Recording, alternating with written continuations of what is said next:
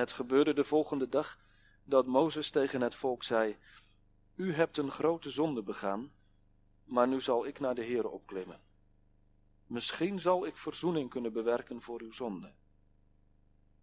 Toen keerde Mozes terug tot de Heere en zei: Och, dit volk heeft een grote zonde begaan, want zij hebben voor zichzelf een gouden God gemaakt.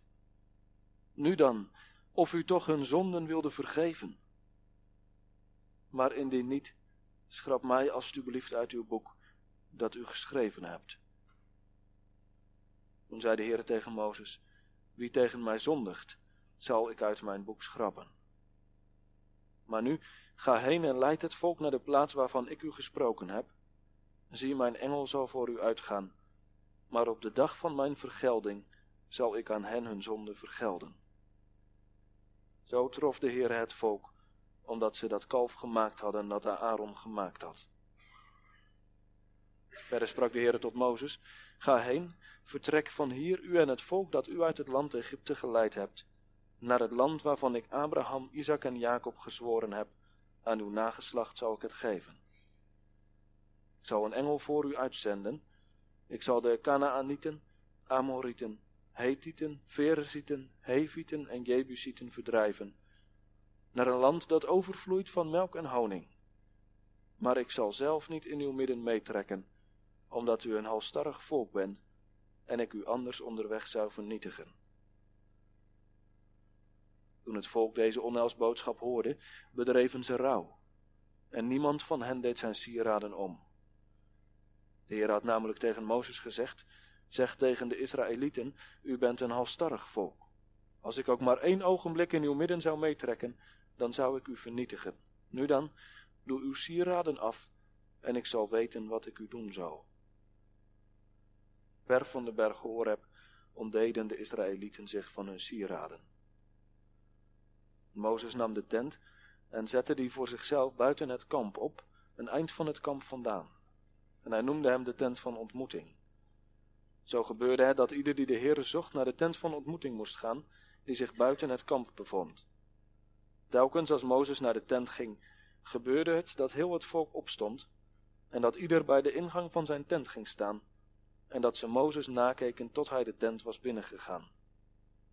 Zodra Mozes de tent binnenging, gebeurde het dat de wolkolom neerdaalde en bij de ingang van de tent bleef staan, en dat de Heere met Mozes sprak.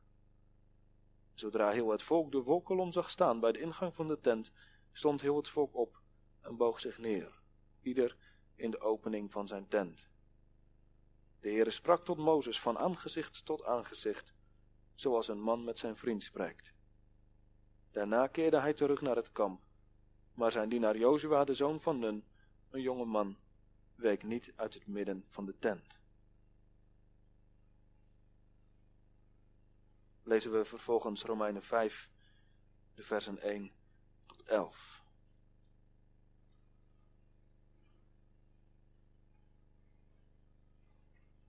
Dan klinkt het woord van God als volgt tot ons.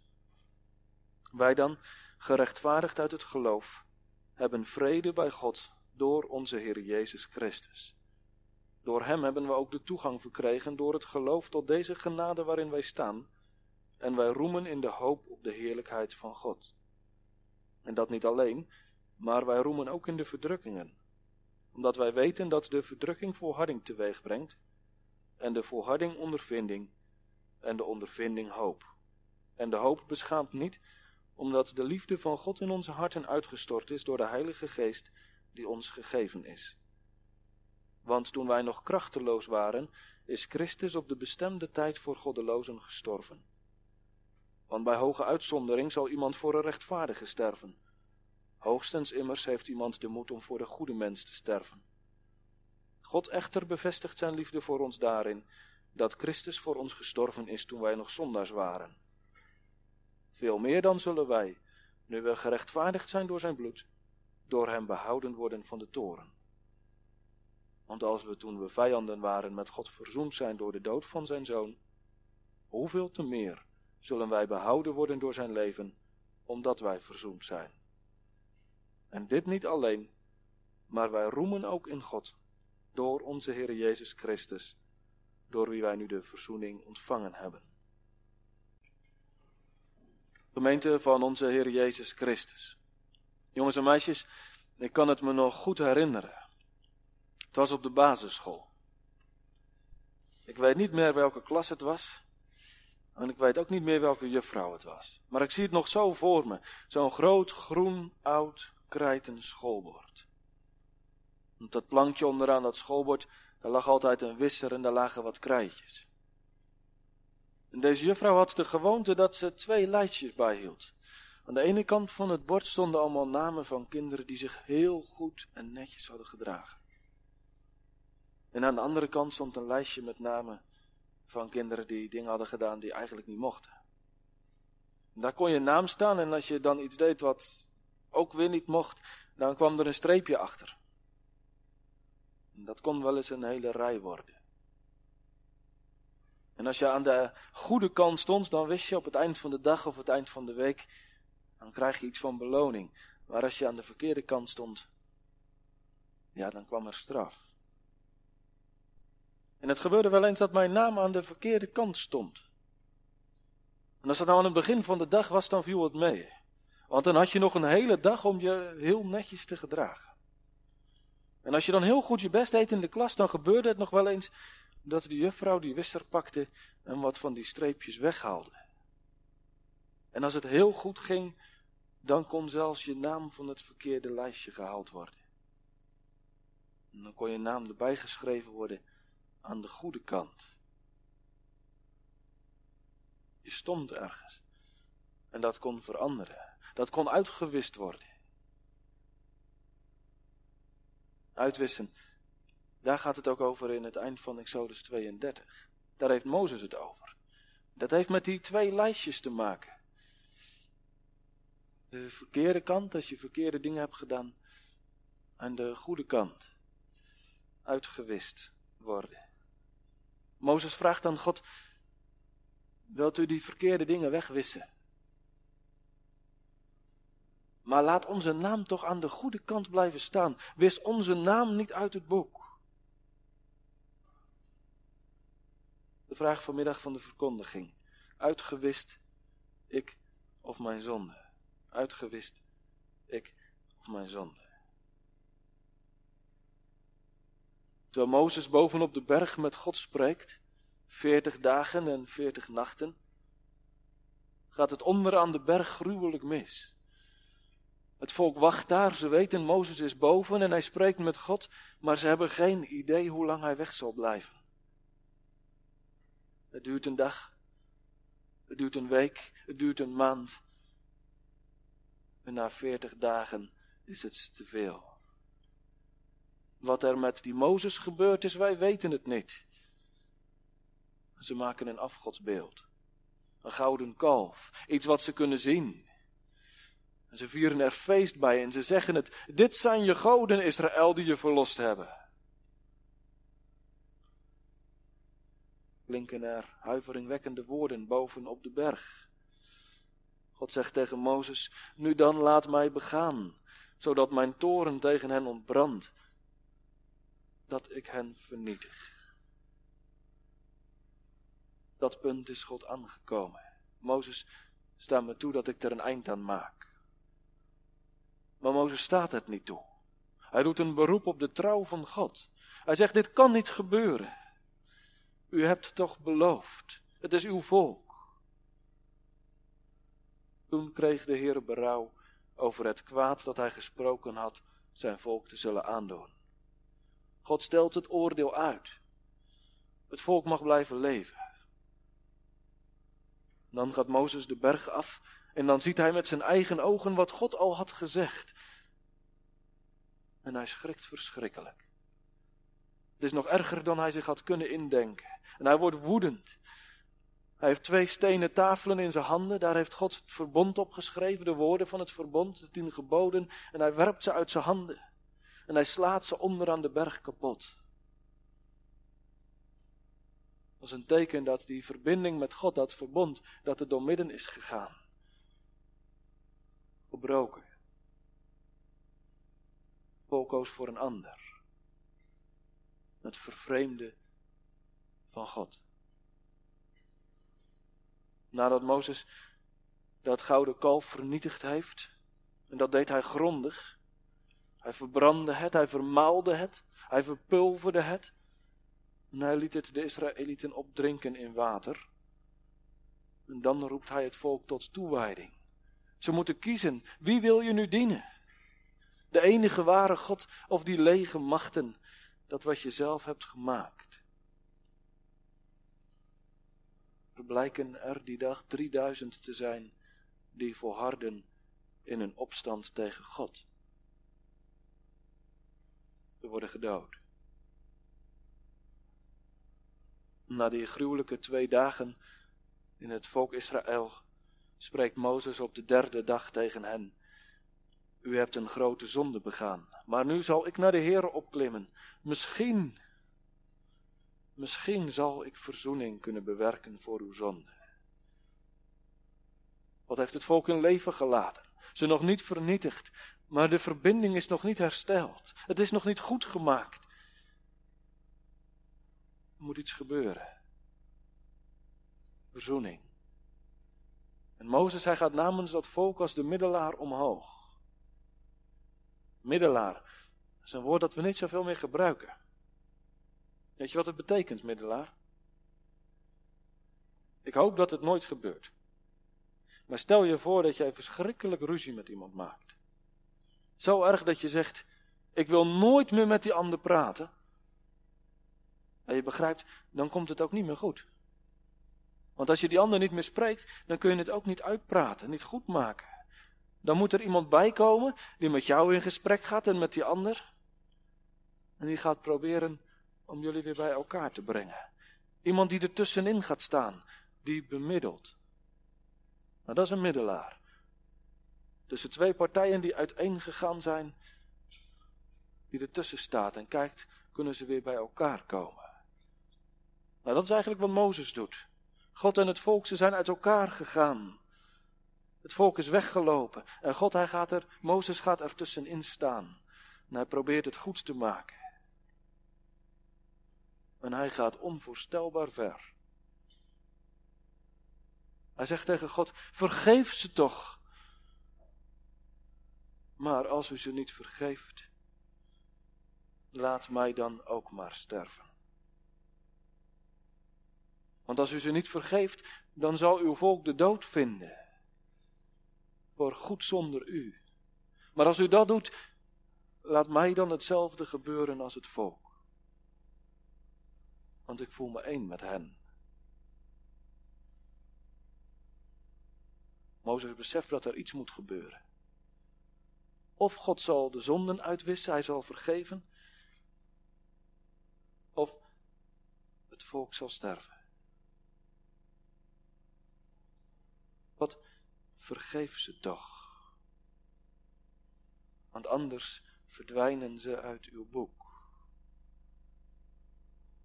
Het boek van God. Wat wordt daar nu mee bedoeld? Het was in die tijd zo dat ze per stam, ze leefden in stamverbanden, bijhielden wie er allemaal in de stam hoorde. als je een kleine stam had, dan ging dat wel, dan was dat overzichtelijk. Maar als zo'n stam groeide, dan werd er iets van een register bijgehouden.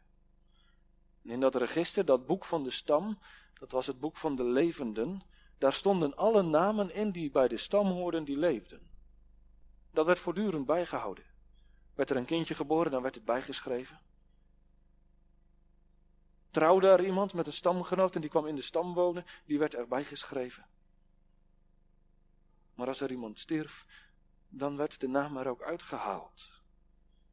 Want alleen levenden stonden in het boek. Mozes zegt, Heere, u hebt ook zo'n boek. U hebt zo'n boek met allemaal namen erin van mensen die bij uw familie horen. Die met u verbonden zijn. Die in u geloven. Dan wordt dat opeens heel ernstig in het gesprek tussen Mozes en God. Want dan zegt Mozes, het kan dat daar namen uitgewist worden. Dat die weggehaald worden uit dat boek van God. Uit dat boek van de mensen die met u verbonden zijn. En als u uw volk niet vergeeft, zal dat met hen gebeuren. laat dan mijn naam ook maar geschrapt worden. Laat mij maar met het volk verloren gaan. Indrukwekkend, hè? Dat Mozes als de leider zich zo met hen verbonden weet, dat hij zegt, ik wil één zijn met hen. Is het in het leven dan in het leven? Is het in de dood dan in de dood? Wat antwoordt Mozes, wie tegen mij zondigt, zal ik uit mijn boek schrappen. Klinkt niet een woord van vergeving, hij krijgt niet een duidelijk antwoord, zo of zo zal het gaan, maar wie tegen mij zondigt zal ik schrappen. Mozes, jij niet? Jij was hier niet bij, jij hebt deze zonde niet gedaan, maar het volk,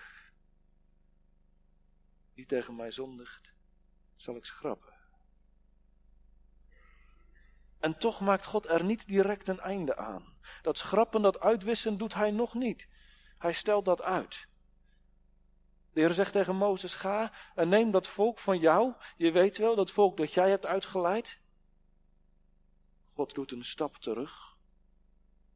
Neem ze en breng ze naar het beloofde land. Ik ga niet mee, maar ik stuur een engel voor je uit. God trekt zich terug. En dat is hier wel heel opvallend. Hier is dat een teken van genade. Waar God zich terugtrekt, is dat meestal een teken van oordeel, maar hier is het genade. Want God zegt: Het gaat niet goed als ik erbij blijf. Dat kan niet goed gaan. Want het volk is halstarrig, hardnekkig, opstandig. Als ik erbij blijf, dan wordt het een ondergang. God neemt afstand, maar laat niet los. Dwars er doorheen zijn toch tekenen van hoop, dat het toch nog goed zou kunnen komen. Mozes pakt een tent en hij zet die ver buiten het kamp van Israël neer. God had gesproken over een tabernakel. Hij had allerlei instructies gegeven hoe die gemaakt moest worden. Dat zou de tent zijn waar God zou wonen en die moest midden in het volk staan. Als een teken, God is erbij. Ja, dat gaat niet meer. Want God zegt, ik ben er niet bij.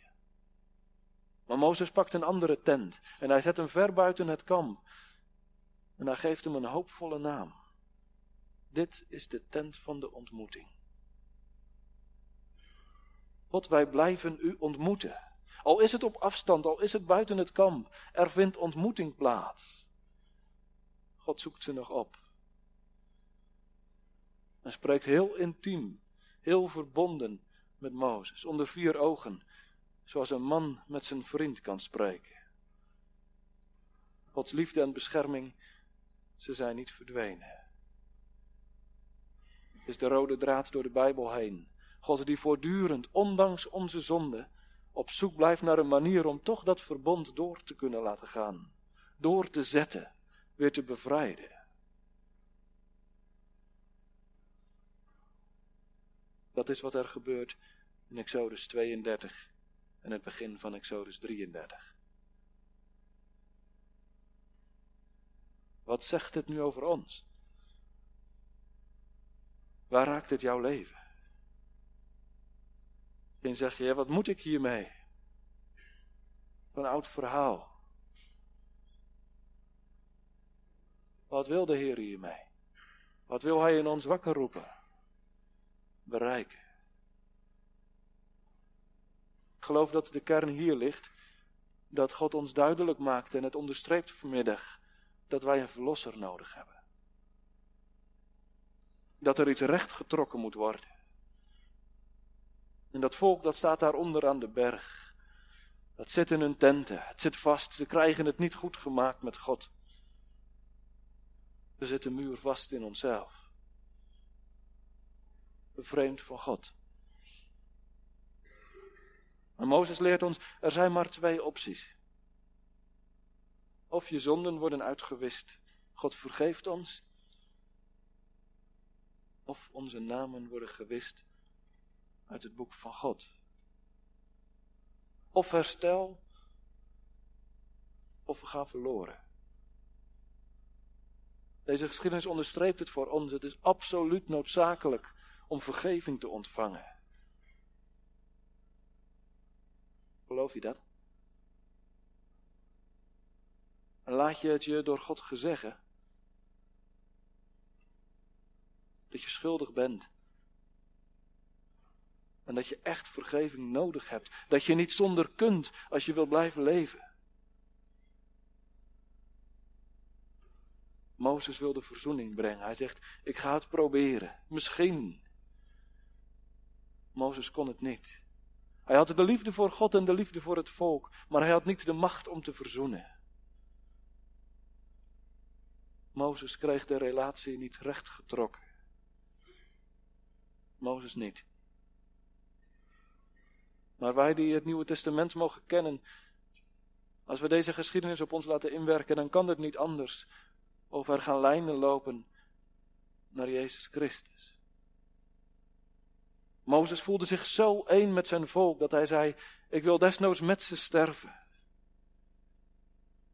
Ik ben bereid om ziel en zaligheid te geven, om hetzelfde lot als hen te ondergaan. Des te indrukwekkender als je bedenkt wat dat volk Mozes allemaal heeft gezegd. We hebben hem meermaals bedankt voor zijn diensten. Ze hebben geprobeerd hem weg te sturen. Ze hebben gezegd: Wat heb u toch gedaan? Had ons toch in Egypte gelaten. Ze kwamen keer op keer in opstand en toch zegt Mozes: Maar ik weet me één met ze. En het volk is diep onder de indruk van Mozes. Hij naar die tent van ontmoeting toegaat, dan kijken ze hem na.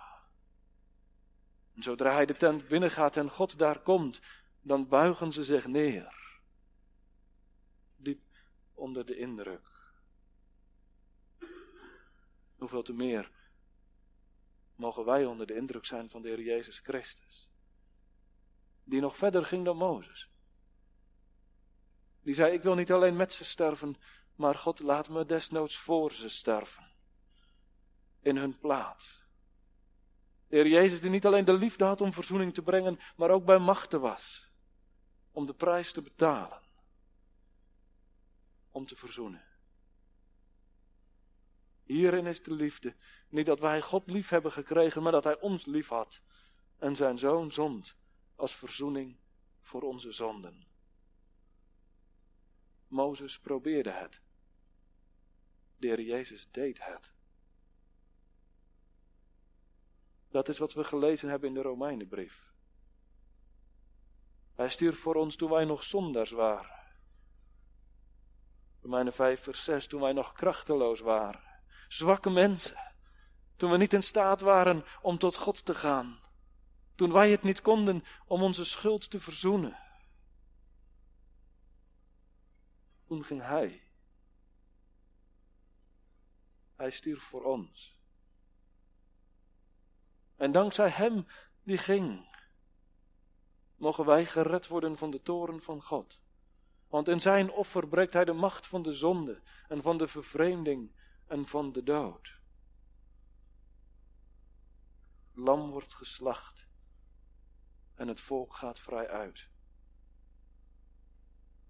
De Heer Jezus, Hij herstelt die relatie met God. Hij verbindt ons weer. Hij verzoent ons in onze plaats. En zo reikt Hij het ons aan, vergeving en vrijspraak. Dat is de weg van de Heer Jezus. Via van vervreemding gaat het via de verzoening naar verbondenheid. Toch met God. Dan mag je gaan roemen. Want dan klinkt het met stelligheid in het elfde vers. Door Jezus, door wie wij de verlossing, de verzoening ontvangen hebben. Dat is geschied, want hij zei, het is volbracht. Wat Mozes niet kon en wat jij niet kunt. En wat u nooit voor elkaar gaat krijgen. Wat onmogelijk was bij mensen, dat was mogelijk bij God. En zo brengt de Heer Jezus de mens, zondige mens, dicht bij God, in de nabijheid van God. geheim daartoe, Romeinen 5, vers 1. Wij dan, gerechtvaardigd uit het geloof, hebben vrede bij God door onze Heer Jezus Christus. Geloof, dat is de weg van de verzoening. Geloof, dat is naar de middelaar kijken. Het van hem verwachten. Zoals het volk Mozes nakeek als hij naar de tent van de ontmoeting ging. En wist, nu gaat het gebeuren. God spreekt tot ons. Zo mogen wij naar de Heer Jezus kijken. In diep ontzag ons neerbuigen als we zien dat Hij de weg gaat naar de plaats van de verzoening. Bruis, de plaats van de ontmoeting. Bij Hem kan onze zonde worden uitgewist. We hebben de Heer Jezus nodig. Jij ook. En hij reikt het je zomaar aan. En hij zegt, mag ik ze vergeven? Al die zonden. Mag hij ze vergeven? Dan mag je in de Heer Jezus Christus zeker weten dat je naam niet wordt uitgewist uit het boek van God, maar dat je zonden worden uitgewist. Het is bij de Heer Jezus een spannend gebeuren, net als dat het bij Mozes was, daar op de berg, daar in het gesprek, in de tent van ontmoeting op de grond buiten het kamp. Het spant erom. Het boek van God, dat komt in het Nieuwe Testament een aantal keer terug. Wordt het boek des levens genoemd. En of je daarin staat, is alles bepalend. Denk aan openbaring 20. Daar gaat het over de oordeelsdag. Als Jezus terugkomt en het eindoordeel zal klinken. De dag van de vergelding, zei God tegen Mozes. Zal ik ze vergelden? Openbaring 20 staat de boeken werden geopend.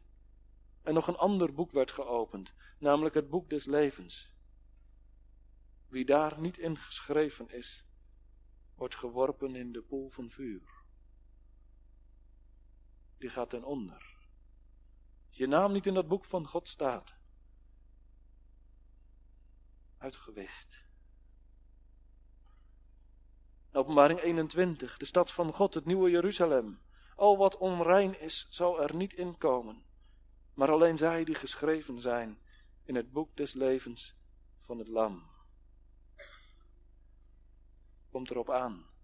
Uitgewist, ik of mijn zonde. Is er in jouw leven uitgewist? Je zonde? Of, het zal toch niet waar zijn? Je naam. Bijzonder troostvol vond ik dat het boek Openbaring nog een naam geeft aan dat boek van God. Dat is openbaring 13 vers 8. Daar heet het boek het boek des levens van het lam dat geslacht is. Dit boek ligt in de hand van het geslachte lam, van degene die zich gaf om te verzoenen. Hand van de middelaar. Zijn naam staat in dat boek geschreven, met grote letters. Hij, mijn verlosser. En daar vind ik rust, daar vind ik houvast, daar vind ik zekerheid. Daar waar ik dat zie, Jezus Christus, daar mag ik het beleiden. Ik geloof de vergeving van de zonden. Daar mag ik het in geloof zeggen. Mijn zonden zijn uitgewist. En dat betekent, mijn naam mag geschreven staan in het boek van het Lam. Toch verzoening. Daar waar je gelooft, hoef je niet te twijfelen. Daar mag je er zeker van zijn. De Bijbel staat vol met beloften. Een daarvan is Openbaring 3, vers 5. Wie overwint, dat is degene die volhardt in geloof. Die zal bekleed worden met witte kleren. En ik zal zijn naam beslist niet uitwissen uit het boek van het leven. Wie gelooft. Ik zal zijn naam zeker niet uitwissen. Dat is de belofte van God. Voor u en voor jou die volhardt in geloof. In het blijven zoeken bij Jezus Christus. wat er ook gebeurt. En hoe diep we ook kunnen vallen. God spreekt dan tot ons. En hij belooft het u. En hij garandeert jou ervan. Voor wie gelooft, ik zal zijn naam zeker niet uitwissen uit het boek van het leven. Wie het zo nog voor me. Die klas van de basisschool. Grote groene bord. Mijn naam staat aan de verkeerde kant. Er staan eindeloos veel streepjes achter. Wat ik ook ga proberen, dit komt niet meer goed. Tussen mij en God. Daar bij die tent van ontmoeting, buiten het legerkamp. Hebreeën 13 zegt, daar heeft de Heer Jezus geleden. Daar bij dat kruis van Christus, daar zie ik het wonder voor mijn ogen gebeuren. Daar wordt die wisser genomen. Daar worden al die minnetjes, dat wordt met name aan die verkeerde kant van het bord weggewist. Vergeven. En vol verwondering kijk ik dan naar de andere kant van het bord. En daar staat een lange lijst met eindeloos veel namen in het boek van het leven. Kijk eens mee. Dat die van u er tussen. Kun je hem vinden? In het goede boek. Hij schrijft ze erin. Met de Heer Jezus mag ik het ontdekken en steeds meer overtuigd raken. U toch ook? Dat mijn zonde is uitgewist. En mijn naam beslist niet uitgewist zal worden uit het boek van het leven, het boek van de Heer Jezus, van mijn Verlosser. En daar leer ik het om God te prijzen, met Paulus, om te roemen, om te lofzingen. Want als we toen we vijanden waren met God verzoend zijn door de dood van zijn zoon, hoeveel te meer zullen we behouden worden door zijn leven, omdat we verzoend zijn. En dit niet alleen, maar wij roemen ook in God, door onze Heer Jezus Christus, door wie wij nu de verzoening ontvangen hebben. Ja, wij roemen in God, door Jezus Christus. Amen.